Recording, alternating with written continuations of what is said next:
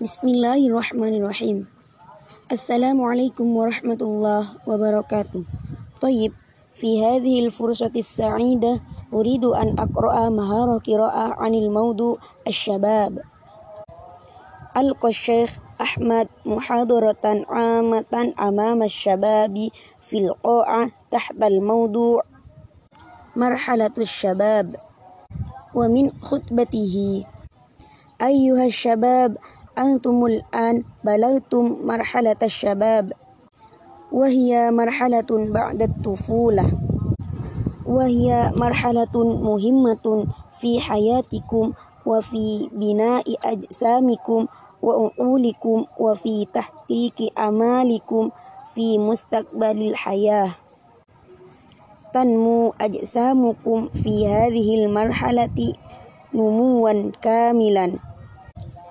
فيحسن بكم أن تأكلوا الطعام الطيب وتتمرنوا بالرياضة البدنية المنظمة وكذلك تنمو عقولكم في هذه المرحلة نموا سريعا. لا بد لكم أن تنظموا أعمالكم في حياتكم وتقسموا أوقاتكم بين العمل والراحة وبين الرياضة والدراسة.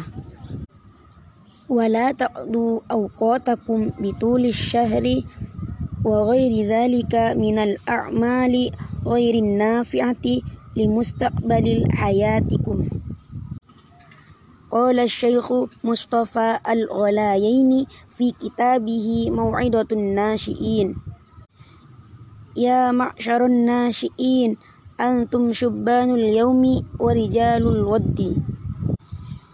إن في أيديكم أمر الأمة وفي أقدامهم حياتها.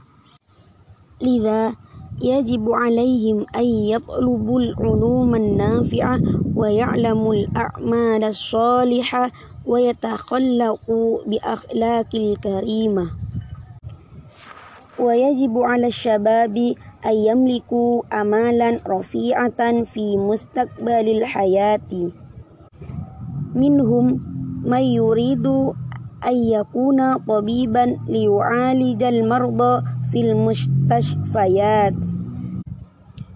ومنهم من يتمنى أن يكون مهندسا لبناء البيوت والعمارات والمدارس والأسواق والشوارع والجسور. ومنهم من يحب أن يكون مدرسا أو محاضرا ليعلم الطلاب والطالبات في المدارس أو الجامعات. ومنهم من يتمنى أن يكون صحفيا لكتابة مشكلات المجتمع والمراهق.